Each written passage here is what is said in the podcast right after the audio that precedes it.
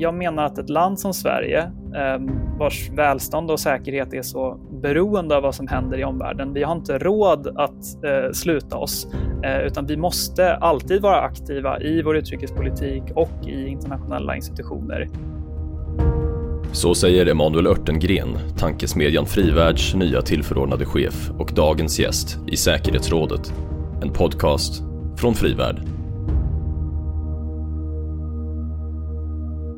Ja, hejsan allesammans till den här podden. Om ni som jag är svag för 90-talet så kan det här poddavsnittet introduceras med ett litet särskilt ljud. Och det låter så här.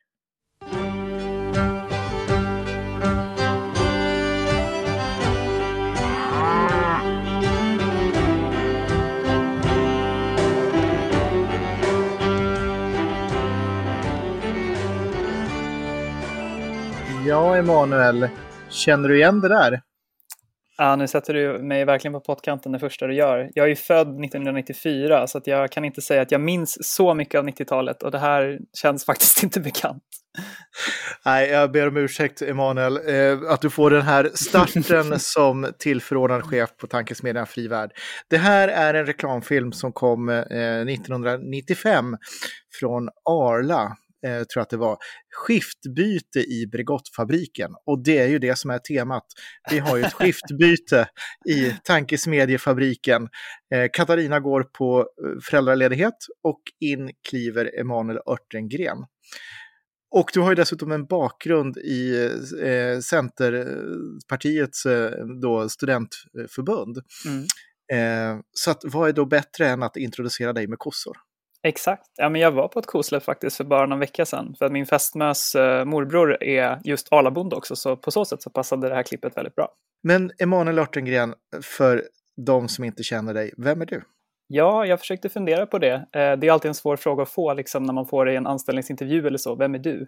Eh, men i de här sammanhangen så kan jag väl säga att jag är en före detta blivande diplomat. Jag har varit intresserad av andra länder och kulturer och så sen jag var i de tidiga tonåren. Jag började till exempel läsa mandarin när jag var 13 och jag visste tidigt att jag ville plugga utomlands och då eh, så, så gjorde jag det. Jag tog en examen i, vid Sciences på Paris i samhällsvetenskap. Eh, och sen så när jag kom hem till Sverige eh, via eh, först eh, ett utbytesår i Kanada och sen eh, via Eh, USA där jag gjorde en praktik via Centerpartiet så, så började jag jobba på tankesmedjan Timbro och där har jag jobbat sedan 2018 och eh, har började jobba med, med EU-frågor som också är väl relevant för, för frivärldsräkning. Och eh, sedan 2019, slutet på 2019, så har jag jobbat mer med välfärdsfrågor, skola, sjukvård, eh, socialförsäkringar, äldreomsorg. Eh, och, eh, men under tiden så har jag gjort lite saker med eller för Frivärd. Jag har gått frivärdsutrikesakademin och fick eh, frivärdsstipendium till Mats Johanssons minne 2018 och 2019 så använde jag det stipendiet eh, bland annat för att göra en resa till USA där jag intervjuade personer på, på tankesmedjor och liknande, vilket mynnade ut i en rapport som handlade om EUs och USAs eh, handelsrelationer. Eh, och nu så får jag då chansen under ett år att eh, vara tillförordnad chef för Frivärd medan Katarina Tratsch är föräldraledig. Och vad ser du fram emot mest under det här året? För det första så ser jag ju faktiskt fram emot eh, Utrikesakademin. Jag vet att det är en jättebra utbildning. Jag har själv eh, gått den. Jag ska faktiskt vara med på ett hörn eh, redan imorgon faktiskt eh, och eh, hjälpa till att rodda en digital träff med eh, Utrikesakademin. Och eh, om eh, ja, allt går vägen och vi kommer sakteliga ur pandemin och så, så kommer vi också göra ett studiebesök senare i höst i Boden på regementet där och kanske också se eh, lite av den här nya gröna stålsatsningen som de är väldigt stolta över där uppe. Så det ska bli jättekul. Eh, och sen så eh, ser jag fram emot Frivärds eh, tioårsjubileum. Frivärd fyller ju faktiskt tio år i år. Och det har, eh, ja, vi har inte kunnat fira det ordentligt på grund av pandemin. Men jag hoppas att till hösten att vi kommer kunna ordna någonting eh, för, att, eh, för att uppmärksamma det. Eh, och sen så ser jag fram emot det dagliga arbetet liksom med, eh, ja, jag, jag, tycker alla frivärlds eh, fyra huvudområden med, med säkerhetspolitik och med en internationell rättsordning och eh, EU-frågor ligger mig såklart varmt om hjärtat. Alltså allt det där ser jag, ser jag verkligen fram emot att eh, ja, jobba med till, till vardags. Jag har saknat det lite, särskilt EU-frågorna. Och du som lyssnar nu på det här poddavsnittet, du förstår ju att det här blir ju en hel del att prata lite grann om vad man egentligen gör i den där Bregottfabriken som det nu är skiftbyte i. Och du nämnde ju då att Frivärd firar tio år i år. Kan du berätta, vad, vad är Frivärds uppdrag och, och hur ser du på det? Frivärds uppdrag är ju att bilda opinion eh, för liksom vilka idéer och, som ska styra svensk eh, utrikes och säkerhetspolitik. Eh, och eh, det står väl på Frivärds hemsida där när det står under om oss att vi, vi styrs av, eller vi tror på, på fria människor, fria samhällen och fria marknader. Så det är ju i den bemärkelsen skulle jag väl säga att det är en liberal utgångspunkt, även om Frivärd inte är en, en partipolitisk eh, tankesmedja. Eh, och eh, det låter kanske klyschigt, men jag tycker att det här uppdraget eh, är viktigare än på, på väldigt länge i alla fall.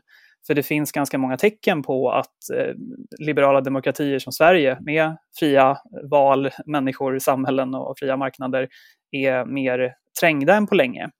Eh, och jag tänker särskilt på två svåra frågor som jag tror kommer vara centrala de kommande åren, både för frivärd och för svensk utrikes och säkerhetspolitik i stort. Ehm, det första är i vilken riktning som, som EU utvecklas. Ehm, som jag ser det så är EU lite ensamt i världen och vi kan inte förlita oss på USA i den utsträckning vi kunde innan. Och samtidigt så är vi lite klämda mellan, mellan Kina och Ryssland. Och det kan vi kanske utveckla lite. Eh, och den andra stora frågan tycker jag, och det gäller ju eh, både oss eh, i, alltså i, mer inrikespolitiskt i, i Sverige, men, men det är också eh, en fråga som jag tror kommer behandlas i allra högsta grad på EU-nivå. Och det är ju hur vi ska förhålla oss till, till Kina. Ett, land, ett land som på, på många sätt inte eh, respekterar de ekonomiska eller människorättsliga eh, spelregler som vi i västvärlden förhåller oss till. Ehm, och eh, ja, så de här frågorna är, hör till de som, som jag ser framför mig att vi på Frivärd kommer att behöva opinionsbilda kring det kommande året. Mm. Vi, vi grottar ner oss lite mer i, i vår samtid lite senare. Jag tänkte fortsätta förhålla mig lite mer i, i, i i verksamheten. Mm. Du nämnde ju lite grann Utrikesakademin eh, och det tror jag kanske är någonting eh, som också många lyssnare kanske inte riktigt har kläm på Nej. vad det är för någonting. Och, och, skulle jag beskriva det så skulle jag säga det att det är, det är eh, det kanske det, det häftigaste inofficiella utbildning som finns när det gäller eh, att komma in och få en crash course i säkerhets och utrikespolitik som finns i Sverige. Mm. Vad säger du om den beskrivningen? Ja, jag håller med. Jag har ju, det finns ju några andra utbildningar i samma anda som eh, jag tror att Folk och Försvar har väl någon sån också, Försvars och säkerhetsakademin. Men, eh, men Utrikesakademin är, är bredare och eh, det är eh, extremt kvalificerade både eh, föreläsare men också deltagare. Eh, det är en, en svår utbildning att komma in på och det, det brukar vara hård konkurrens om platserna. Eh, och jag menar, jag, jag, jag tänk, tänker bara på träffen i, imorgon som vi ska ha, för jag kan ju berätta om den då bara för att ge ett exempel på nivån som den ändå håller. Då kommer vi bland annat att få, digitalt visserligen, men, men det är så vi får jobba i de här tiderna, Eh, då kommer vi få besök av Bill Browder som eh, ju har blivit väldigt känd internationellt för att han har lobbat för eh, Magnitsky-lagstiftning, alltså lagstiftning som kan rikta sanktioner mot personer som har begått eh, brott mot mänskliga rättigheter. Eh, och det här grundade sig i hans egen erfarenhet. Han var ju affärsman i, i Ryssland på 90-talet och en av hans eh, närmaste, en advokat som hette Sergej Magnitsky, blev mördad av, av Putins eh, kumpaner. Eh, och han har jobbat väldigt intensivt med de här frågorna sedan dess. Eh, sen kommer vi få besök av, nu ska jag se om jag minns namnet rätt, du får rätta mig om jag har fel, men Johan Gardén som är på Utrikespolitiska institutet. Kan det vara Björn Gerdén du tänker på? Björn Gerdén menar jag, förlåt, jag fick förnamnet fel. Men Björn är ju intressant på så sätt att han står nu på, på någon, någon slags kinesisk sanktionslista Eh, för att han då har, har forskat om Kina och jag antar riktar, riktat en del kritik mot det kinesiska kommunistpartiet. Och han ska berätta bland annat om, om hur det är att, vara, eh, att vara sanktionerad från en regim på det sättet. Och sen sist men inte minst så har vi också bjudit in Johan Berggren som är eh, aktuell med en bok om en väldigt aktuell fråga, eh, nämligen Israel-Palestina-konflikten som han skildrar väldigt mycket från ett inifrån perspektiv eftersom han var Eh, stabschef åt Tony Blair när eh, Blair var fredsmäklare i Mellanöstern genom eh, en organisation som heter Kvartetten som är ett slags samarbete mellan EU, FN, USA och Ryssland.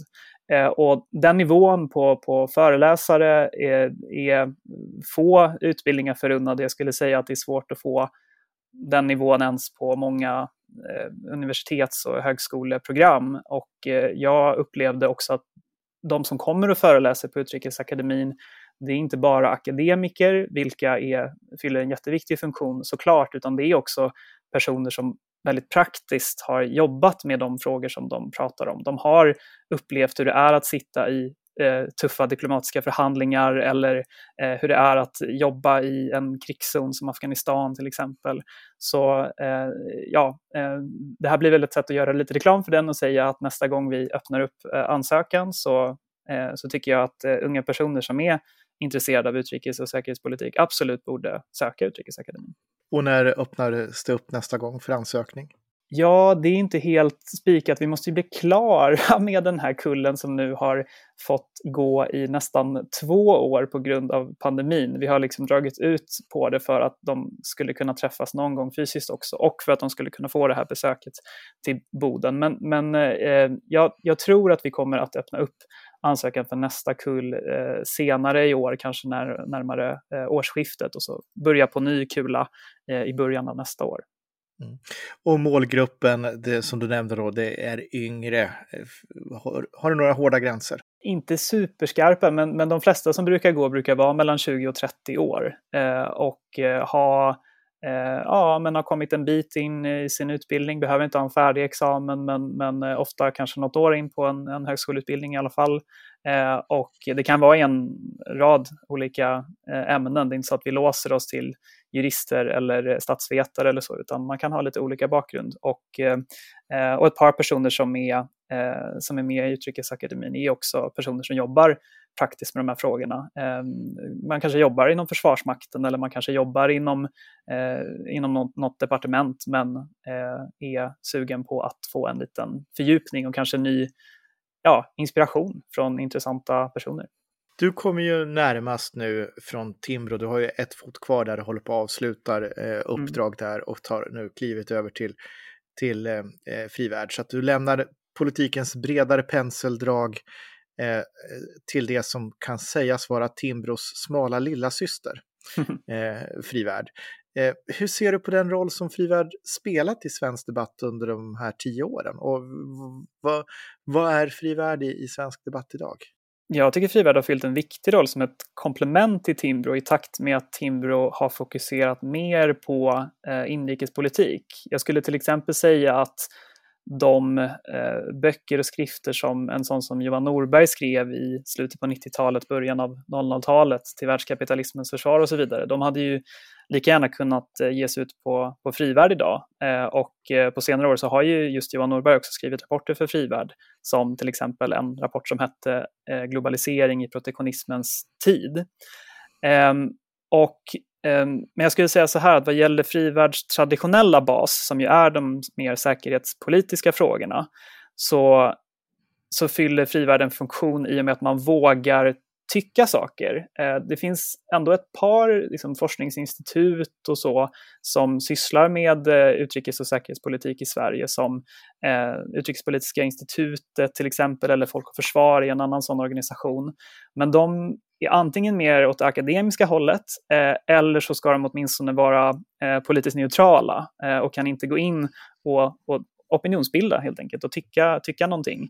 Och det gör att Frivärd kan få en egen eh, nisch på så sätt att man som aktör faktiskt kan gå ut och säga att ja, Sverige borde vara med i NATO och det här är skälen till varför. Och det, det gör Frivärd eh, ja, det gör att Frivärd spelar en speciell roll i den utrikes och säkerhetspolitiska debatten i Sverige. Du kom ju också nyligen, och nu tänker jag då kliva in och mer prata om de breda penseldragen i, i världen. Mm. Eh, men du kom ju nyligen med en ljudessä på spaning efter den internationalism som flytt. Eh, och den gavs ut då i Timbros serie Eftertanke och finns att lyssna på på bland annat Spotify. Där du tar dig an internationalismens kritiker. Och jag tänkte att vi lyssnar på ett utdrag här. För att sprida demokrati liberal demokrati, där enskildas rättigheter respekteras, är inte bara en principfråga. Det handlar också om att skapa förutsättningar för stabilitet. Som historien har visat så kommer regimer som struntar i sina egna medborgares rättigheter och integritet förr eller senare också angripa andra länder. Om inte annat blir auktoritära regimers problem våra i form av radioaktivt nedfall från Tjernobyl eller ett dödligt virus från Wuhan. Ja, jag valde det här utdraget och ämnet för, för essän i sig också för att jag ser en risk att ja, framförallt de, de borgerliga partierna i riksdagen vänder sig inåt och blir mer Eh, isolationistiska för att vi har problem på hemmaplan i Sverige, vilket, vilket vi har. Men jag menar att ett land som Sverige, eh, vars välstånd och säkerhet är så beroende av vad som händer i omvärlden, vi har inte råd att eh, sluta oss, eh, utan vi måste alltid vara aktiva i vår utrikespolitik och i internationella institutioner, inte minst i EU. Eh, och det som händer i kanske Kina eller Ryssland för att koppla till det här utdraget, det, det kanske verkar avlägset men eh, det, det kom, till slut så kommer det närmare än vad vi kanske tycker är, är behagligt och önskvärt.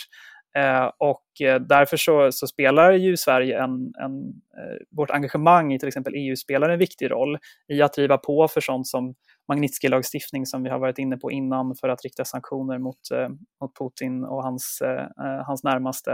Eh, eller för att trycka på mot Kina. Eller för den delen bara för att värna liksom, all den eh, export och import som Sverige är beroende av. Det här spelar jättestor roll. Och jag, tycker mig ändå på sistone se en, en förskjutning inom borgerligheten alltså från den här ja, rätt starka internationalismen som fanns, inte minst på 90-talet, där politiker som Carl Bildt var väldigt aktiva och tyckte att Sverige skulle spela en central roll i, i EU, till en, en mer skeptisk hållning som, eh, som är kritisk till, till till exempel EU, vilket man har goda skäl att vara, men utan att egentligen erbjuda något alternativ. Så jag, jag avslutar den här sen med, med en uppmaning till framförallt borgerliga politiker att eh, nu när Sverige till exempel blir ordförandeland i Europeiska rådet, alltså EUs eh, ministerråd eh, 2023, så borde man ta det tillfället i akt och lyfta vad, vad ska vi faktiskt ha då EU till? Det är en intressant spaning som jag tycker att man kan göra gång på gång på gång och det är då när någon är missnöjd med vad något eh, del inom EU gör eller uttrycker sig så sätter man gärna rubriken och uttrycker sig att EU är dumt som vill det här. Eh, vilket ger bilden av att du har en stor organism med en, en hjärna, en vilja, en strävan som blir någon slags omnipotent bläckfisk som är där med sina labbar och kladdar lite överallt. Nu målar jag lite raljerande här. Mm. Eh, men du ser inte det när det gäller Sverige. Är du missnöjd med ett utspel från en, en eh, riksdagspolitiker som kommer med en motion så säger du inte att Sverige vill göra det här eller att mm. Eh, Sverige har dömt någonting. Eh, för EU har en domstol också. Mm. Eller att när Sverige, Konkurrensverket inleder en, en, en konkurrensöversyn så, så, så, säger du inte heller att det är Sverige som gör det hur, hur, hur skadligt är det där, vår oförmåga att separera vilken del av EU är det som uttrycker sig eh, för den här trenden?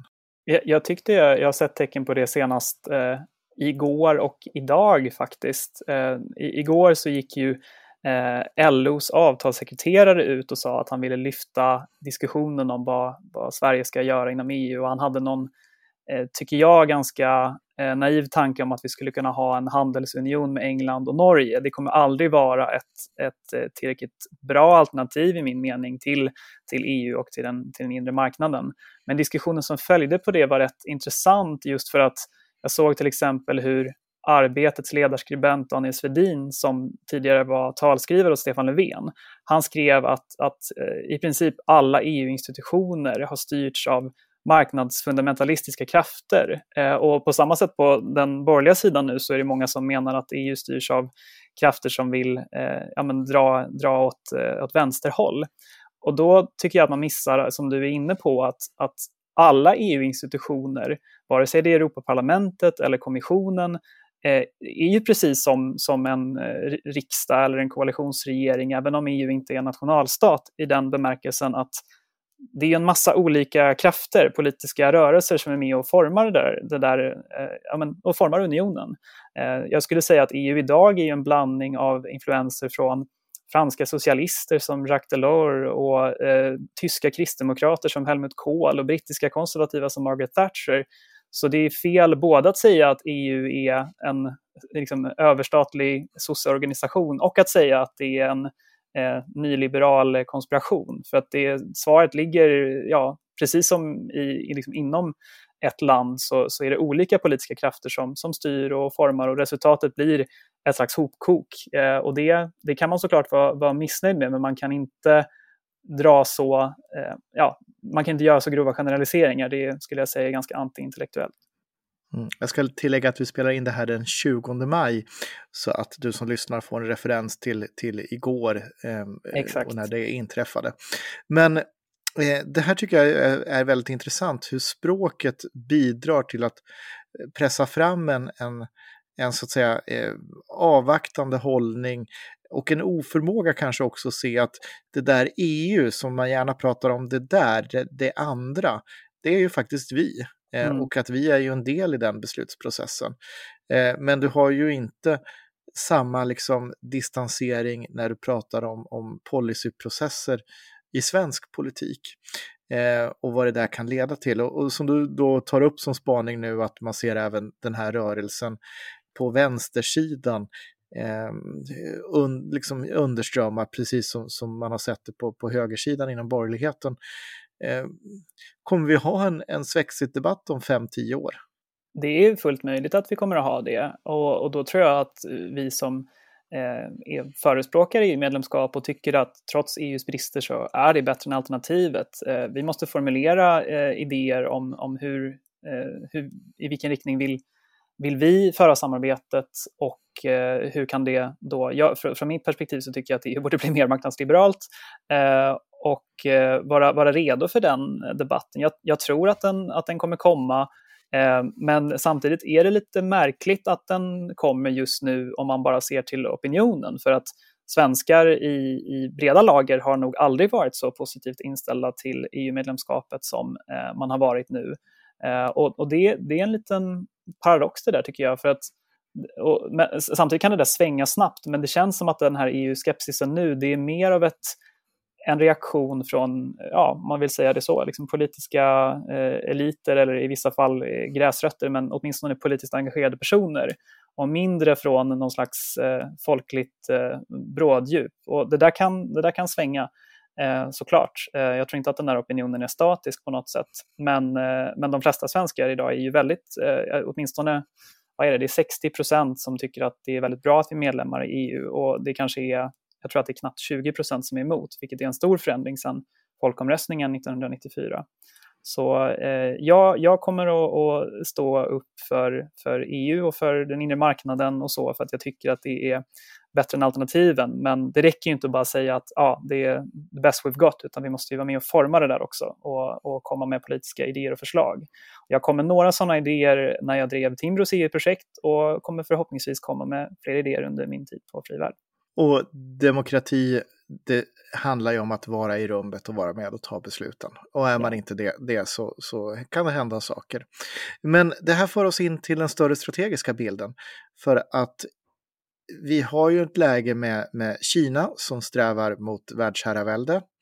Vi har ett USA som, som kämpar på, som har isolationistiska eh, vad ska vi kalla det för, eh, mer eller mindre starka drag, eh, där mm pendeln nu har gått tillbaka en del från Donald Trump som var en som, som eh, ägnade sig åt att försöka bärsa på olika sätt den säkerhetsordning och den eh, regelbaserade ordning som USA har varit med och byggt upp sedan Atlantdeklarationen 1941 och framåt. Mm. Eh, på ett sätt som, som skakar världens grundvalar. Och sen så har vi Ryssland som är som Ryssland är och som är obekväm med den europeiska säkerhetsordningen. Eh, och sen har vi vi i Europa som ekonomiskt, om vi tittar framåt mot 2050, kommer att fortsätta tappa relativ andel av liksom, ekonomisk kraft till, mm. till förmån för ett växande Asien. Hur, hur ska Sverige manövrera sig i den världen och, och eh, hantera den, den strategiska utmaningen? Ja, det är en väldigt stor och väldigt svår fråga. Ehm, jag, jag tror ju att det... Jag tror att vad, vad som är lätt att glömma bort i Sverige, vi har ju en ganska ja, nu, nu kanske jag är lite hård, men vi har en ganska uppblåst självbild i Sverige av att vi är större och viktigare än vad vi är. Eh, och eh, Sverige har, eh, jag tänker då på till exempel hur EU-debatten, eller EEC hette det ju då i Sverige, såg ut på 60-talet. Då var ju Tage Erlander, som var mångårig socialdemokratisk statsminister, han var ju väldigt avfärdande av hela tanken med en, den typen av europeiskt samarbete och ville att Sverige skulle gå sin, gå sin egen väg, att vi skulle vara, eh, vi skulle vara alliansfria då, militärt och han såg att EEC var det ekonomiska benet av den här, eh, ja, det var, det var samma skrot och korn som NATO i princip, fast bara med, med andra förtecken. Eh, jag tror att den där idén är, den är på många sätt den är väldigt, väldigt förlegad. Dels för att vi inte har den här uppdelningen som man hade under kalla kriget längre, men också för att Sverige är för litet och eh, ja, för obetydligt för att kunna åstadkomma Eh, förändring och för att kunna stå emot till exempel kinesiska påtryckningar på, eh, på egen hand. Så först och främst så måste vi ju vara med i internationella institutioner, framförallt EU, och aktivt påverka. Och det har ju Sverige gjort eh, tidigare. Eh, jag tänker på när Carl Bildt var utrikesminister till exempel, så tog han tillsammans med Polens eh, utrikesminister eh, Sikorski initiativ till östliga partnerskapet, som var eh, väldigt viktigt för att EU skulle få en bättre relation med, med länderna liksom, i vårt eh, närområde. Eh, och Sverige tog också initiativ till eh, att vi skulle inleda handelsförhandlingar med USA genom TTIP och det blev ju inte av, men det är ändå ett exempel på att ett litet land som Sverige får betydligt större genomslagskraft när vi är aktivt engagerade i, i internationella institutioner. Eh, och det, det, är mycket svårare för ett litet land att liksom agera unilateralt och bara, bara svinga vilt. Det, eh, och det, eh, det budskapet tror jag att fler politiker och opinionsbildare behöver få fram Eh, och, eh, för det är det, jag är övertygad om att det är det bästa sättet som, som vi kan eh, hantera eh, utmaningar från betydligt större, betydligt starkare och betydligt mer ja, illvilliga stater. Det här med Sverige och självförtroendet, är inte en kombination av att vi har både för stort självförtroende och ett alldeles uselt självförtroende ibland i vad vi kan åstadkomma, göra, ta initiativ till. Ehm, och, och, och, att vi någonstans eh, är liksom fast i, i, i, vi har ett jättestort självförtroende i idealism, men, men ett, eh, ett uselt självförtroende när det gäller realism. Mm. Eh, och, och de här två begreppen är ju centrala i, i, i, i diskussion kring, kring utrikes och säkerhetspolitik. Mm. Eh, hur, hur kan vi hitta rätt blandning?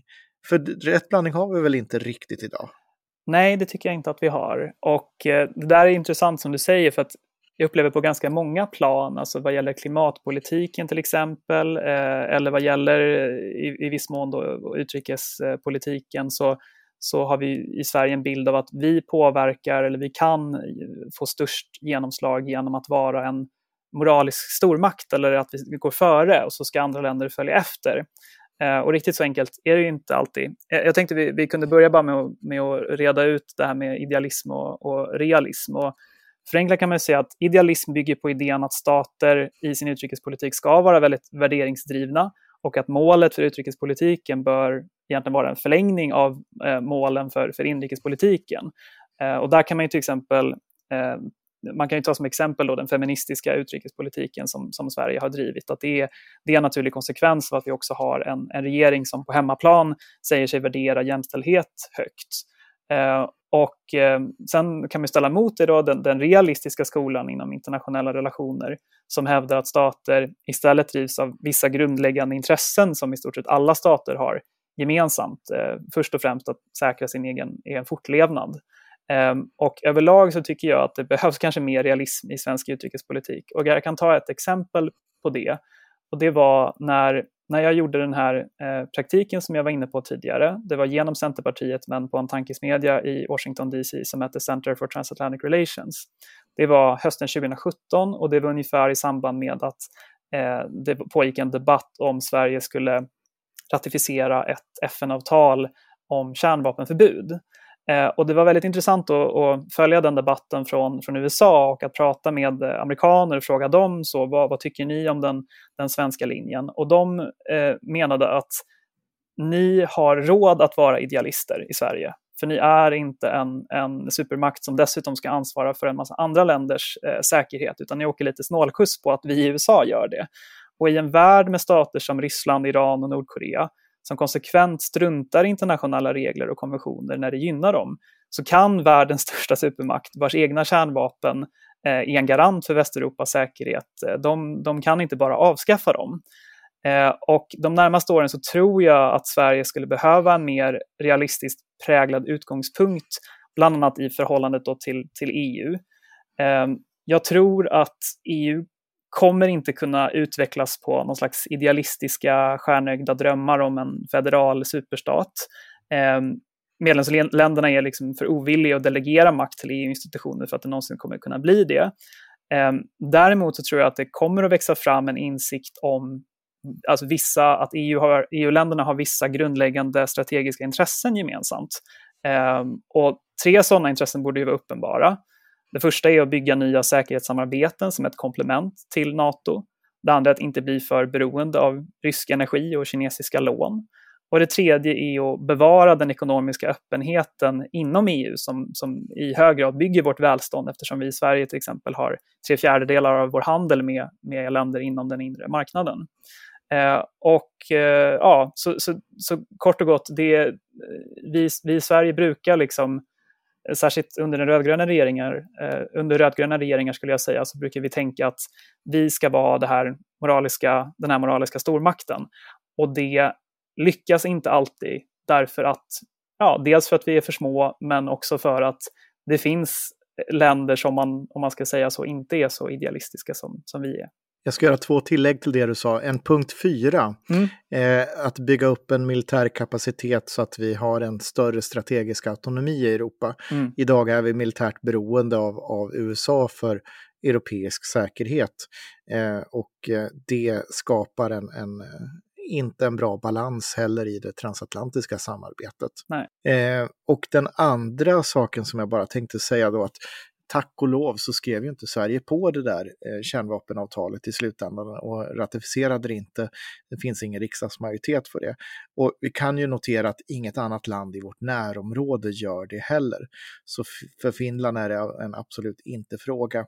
Mm. Eh, och balterna och andra NATO-medlemmar gör det ju absolut inte, utan de europeiska länder eh, som, som har, skriver på eh, är ju länder som har ett strategiskt läge som är ännu mer fördelaktigt än Sverige för att Sverige ligger i en strategisk placering i ett och kommer att dras in i en militär konflikt om det sker en sådan i Arktis eller i Östersjön. Mm. Så att eh, eh där i så blev det ändå ett, ett tillvaknande men det krävdes ju en, en eh, Eh, bland annat ett, ett hårt motstånd från försvarsdepartementet och, eh, och en, en mobilisering av andra politiska partier för att markera att det här kommer inte att gå igenom. Mm. Så det är bara ett litet tillägg. Men jag tänkte vår tid rinner ut. Vi har redan gått över halvtimmen eh, och det betyder att vi är på övertid. Men Emanuel Örtengren, du ska få slutordet. Jag vill väl framförallt skicka med att eh, Eh, nu, nu, kommer jag låta kanske lite som, eh, som Boris Johnson, men, men jag ser framför mig ett återöppnande av frivärd under min tid. När, eh, när eh, fler och fler har blivit vaccinerade, det kommer vara möjligt att eh, bjuda in större grupper av personer till, till samtal igen. Eh, och det hoppas jag att frivärd ska, ska vara under det året som jag är tillförordnad chef, att det, det ska, ja, vi, vi, ska kunna ses eh, fysiskt igen och inte bara via, eh, via Zoom och så. Um, och annars så, så, måste jag bara säga att jag, jag tycker att Frivärd, jag, jag, jag, jag är tycker att Frivärd är en jätteviktig organisation och nu att den, den som sagt var, som jag varit inne på under det här samtalet, spelar en viktigare roll eh, än på länge. Och det här året ska bli, det ska bli väldigt kul att jobba med dig Patrik, det ska bli väldigt kul att jobba med Gunnar Hökmark som är ordförande och eh, med alla våra fellows som är kopplade till oss. Eh, och eh, ja, en sista uppmaning är ju såklart att eh, om det är någon som sitter där ute som är intresserad av de här frågorna, kanske vill skriva någonting, så kan de ju höra av sig till dig Patrik och skriva för säkerhetsrådet. Precis, den ledande debattplattformen för försvars-, säkerhets och utrikespolitik där vi publicerar brett och vitt. Det var ju en snygg P3-övergång och en alldeles, alldeles elegant reklam jingel där på slutet som du gjorde, Emanuel.